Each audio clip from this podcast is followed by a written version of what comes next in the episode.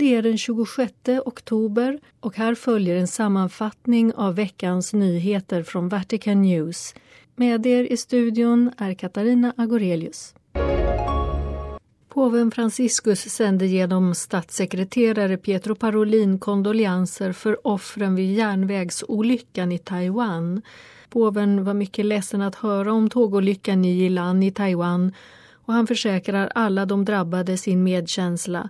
Han ber för de döda och de sörjande och om Guds välsignelse över de skadade, deras anhöriga samt de civila myndigheterna och hjälppersonal. Påven har även sänt ett telegram till befolkningen i Trinidad och Tobago för att uttrycka sin stora medkänsla med dem som har drabbats av kraftiga jordbävningar och översvämningar. Påven uppmuntrar landets civila myndigheter och hjälppersonal i deras insatser och ger dem sin välsignelse. Boken Sharing Wisdom of Time har publicerats av Loyola Press och det är en samling historier om åldringar från hela världen och om de gamlas grundläggande bidrag till samhället. I sitt förord till den ber påven Franciscus om en allians mellan unga och gamla för att stå emot en slit och slängkultur. I samband med presentationen av boken samlades unga och gamla i Augustianum i Vatikanen för ett möte mellan generationer ett initiativ som flätas samman med den pågående synoden. Boken Sharing Wisdom of Time är sammanställd av jesuitpater Antonio Spadaro och den består av äldre personers historier från 30 länder. Och det är påven själv som har inspirerat till den då han vid upprepade tillfällen säger att han tror på att de unga endast kan nå sina rötter genom deras förhållande med de gamla. Påven ber unga och gamla att gå samman för att göra världen bättre, att de unga ska lyssna på de äldre och komma dem närmare för att de tillsammans ska kunna stå emot slit och slängkulturen och den ökande likgiltigheten för migranters och flyktingars svåra situation och den farliga återuppväckta populismen som sprider hat och intolerans. Under bokpresentationen talade påven med de samlade om aktuella teman som migration och tragedin med så många som har tvingats migrera eller fly och som dör under sina resor och om ansvaret världens ledare har att finna lösningar för att se till allas värdighet. Han talade om vikten av att bevara minnet så att det onda som krig, hat och intolerans inte upprepas. Under den allmänna onsdagsaudiensen talade påven Franciscus vidare om de tio budorden i sin trosundervisning och fokuserade på det sjätte budet, du ska inte begå äktenskapsbrott.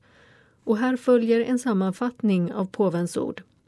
Kära bröder och systrar, under vår pågående katekes om de tio budorden vänder vi oss nu till det sjätte budet, du ska inte begå äktenskapsbrott. Budet om äktenskaplig trohet handlar om trohet i stort. Trohet är tecknet på ett fritt, moget och ansvarsfullt förhållande som håller själviskhet borta och som utmärks av att generöst ge av sig själv. Varje hjärta längtar efter kärlek och all äkta kärlek är en återspegling av Guds eviga kärlek. Vår kallelse att älska kräver att vi växer i en självkännedom så att vi kan bemästra våra impulser och förhålla oss till andra med ärlighet och integritet. Detta är särskilt viktigt i kallelsen till en äktenskaplig kärlek som ett särskilt deltagande i Kristi odödliga kärlek till kyrkan. Trohetslöftet som brudparet ger varandra på sin bröllopsdag är uttrycket för deras åtagande att dagligen rena sina hjärtan från all otrohet och osanning och växa i en trogen och ständig enhet med varandra och med Herren. Då påven hälsade på de polska pilgrimerna under onsdagens allmänna audiens mindes han särskilt den helige Johannes Paulus II detta med tanke på att den 23 oktober, alltså dagen innan audiensen, firades 40-årsdagen sedan Karol Wojtyla, den helige Johannes Paulus II, valdes till påve och påven sa att orden som han uttalade då hans pontifikat invigdes alltid är aktuella. Var inte rädda. öppna, eller snarare öppna på vid gavel, portarna för Kristus. Påven uppmuntrade de troende att fortsätta att inspireras av det polska helgonet och troget följa Kristus i det personliga och sociala livet liksom i familjelivet och att se Kristi närvaro i världen och i medmänniskan och särskilt i den fattige och behövande. Påven sa slutligen att helgonet lärde oss att människan är kyrkans väg. Påven påminde även om att kyrkan i Polen på söndag den 28 oktober firar den tionde solidaritetsdagen för förföljda kristna och han tackade både den påvliga stiftelsen Hjälp till kyrkan som lider och Polens biskopskonferens för att organisera detta initiativ för fred och solidaritet vars donationer i år kommer att gå till de kristna i Pakistan som förtrycks dagligen och ofta utsätts för påtryckningar att lämna sin tro. Trots att många går i mässan och biktar sig och trots tolv års katekesläsning förblir Gud en abstrakt tanke för de unga. Det sa synodsfäderna under onsdagens presskonferens om synodens arbeten. Onsdagen den 24 oktober diskuterade synodsfäderna kring synodens slutdokument och ett brev till de unga från synoden lästes upp. Ett brev som kommer att läsas upp officiellt på söndag den 28 oktober vid synodens avslutning. Biskop Andrew Nkea Fuanya från Kamerun sa att församlingarna i Afrika är så fulla att det inte finns plats för alla unga som kommer. Men problemet är att de efter mässan går ut i en värld av arbetslöshet, utan vård, stor fattigdom och krig. Biskopen berättade att man i Afrika ser familjens roll med samma värdegrund som kyrkan och går från generation till generation och att de unga fortfarande följer de äldre. På frågan varför kyrkan frodas i Afrika sa han att han tror att det beror på att man lever i gemenskap i Afrika. Kyrkan som gemenskap och familj är mycket stark i Afrika, berättar han och säger att om individualismen skulle rota sig skulle kyrkan bli tom. Biskopen sa även att kyrkan måste tala ett entydigt språk och tala sanning med de unga. Det är viktigt att sanningen inte utvattnas, särskilt vad gäller känsliga ämnen, sa han. Ärkebiskopen Gregors Rys från Polen berättade i sin tur att Polens församlingshem är fulla att omkring 50 procent av landets unga går i kyrkan och biktar sig regelbundet men att detta nödvändigtvis inte betyder att de känner Jesus. Han sa att Gud för många unga är en abstrakt idé trots 12 års katekesläsning och att de unga vet mycket lite om tron. Han förklarade att om du frågar unga polacker om värden ligger familjen högt uppe på listan medan tron ligger långt ner. Sen berättade kardinal Reinhard Marx från Tyskland att påven Franciscus har beslutat att synoderna ska vara en del i en global process och en väg att föra kyrkan framåt på. Kardinalen sa att åldrarna 15 till 28 år är avgörande för att de unga då tar avgörande beslut och att det är viktigt att kyrkan förstår detta och att det är avgörande att stå vid de ungas sida för annars förlorar kyrkan sin spelplan för evangelisationen. På frågan om kvinnornas roll i kyrkan svarade kardinal Marx att man inte kan göra framsteg utan förändring och utveckling. Frågan om kvinnors roll i kyrkan är viktig, sa han, och att kvinnor behöver ta del i kyrkans beslutsfattande processer han lade till att han kanske skulle ha varit emot detta för 30 år sedan men att han tackar Gud för att han inte fastnade där. På frågan om användning av förkortningen HBTQ i synodens slutdokument svarade monsignor Kea att vi måste vara försiktiga med språket vi talar och lade till att om man skulle använda uttrycket i dokumentet skulle man också behöva känna till det väl för att förklara det för andra. Kardinal Marx fick frågan om inställningen till sexuell läggning och hur kyrkan i Tyskland hanterar denna fråga han svarade att man den senaste tiden tar upp frågan i Tyskland och att man talar om detta under synoden men underströk att det inte är en synod om sexualitet. Han berättade att det finns lobbying från olika sidor som vill få sin agenda hörd och varnade för dem som använder frågor om sexualitet för att exploatera ideologier. Han sa att kyrkan behöver använda sig av ett språk som alla förstår och som ser till olika kulturer utan att homogenisera dem och lade till att för Jesus är sexualiteten inte hela personen utan endast en del av den. Kardinal Marx kommenterade sen frågan om sexuella övergrepp och berättade att man har talat om detta under synoden och om att en attitydförändring är nödvändig.